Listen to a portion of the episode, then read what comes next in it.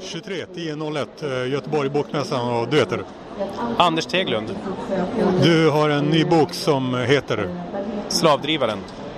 Det handlar om slavdrivare genom historien också. Så att- Det också? Okej. Ja, ja, så att det, är, det är liksom en historisk eh, bok och en samtida bok. Det är den bransch du gav dig in i när du testade den, det vill säga matleveransbranschen. Utgångspunkten är ju det, att, att vara verksam som eh, i, i gigekonomin. Ett ideal om att man ska laga sin egen mat, hämta sin egen mat och så här, alltså. städa själv och så. Men, det, men om man kollar på befintliga, mer accepterade branscher och så, så kanske det egentligen finns mer slavliknande förhållanden där och så. Men, men av, av olika anledningar, slump och så, så har det blivit att den branschen har blivit mer legitimerad. Jag skrev ju cykelbudet, det handlar om eh, dels det och gigekonomin i brett och jag som kulturarbetare också som giggare. Ja, hur länge testjobbar du som eh, bud? Jag testjobbade inte, jag jobbade. Eh, Okej, hur länge var det? Ett och ett halvt år, tills jag fick sparken. Ja, så, det var länge alltså. Jag trodde det var typ eh, två veckor, gissa- hade jag gissat. Nej, Men- nej, nej, nej. Jag jobbade så länge jag kunde tills jag fick sparken. Ett och ett halvt år blev det. Eh, jag hade jobbat längre om jag hade fått, men det var... Det fick jag inte. Du fick sparken? Ja, jag avs- de avslutade mitt kontrakt. För att? Jag fick inget svar på det. Men jag, det var samtidigt som min bok kom. Eh, men vi har ju även eh, till exempel Kaisar Mahmud som har också gett sig in i det här av li, lik, på liknande sätt, fast kanske av andra anledningar. Jag gjorde det för att försörja mig. Det var din anledning alltså? va?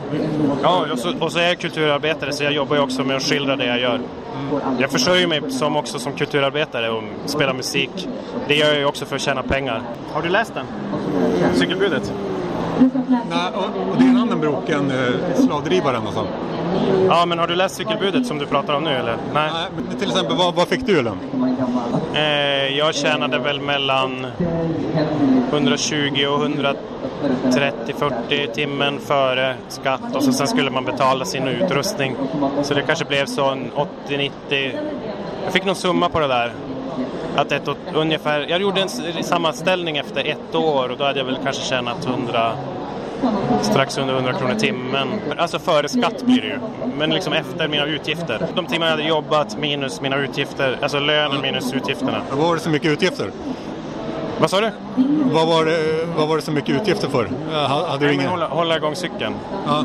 Så det var cykelutgifter egentligen. Kanske köpt någon lampa och byxor eller sånt där. Ja.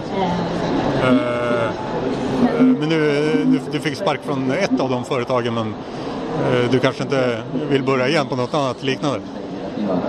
Ja, det skulle jag ju kunna ha gjort. Eh, Men, men du, du rör- sysslar också med musik såg jag.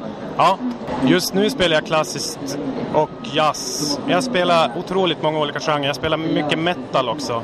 Och pop. ehm, eh, metal, pop, rock, klassiskt, jazz, elektroniskt. Ehm, Eh, ja, mer konstiga grejer också. Så, för alla möjliga.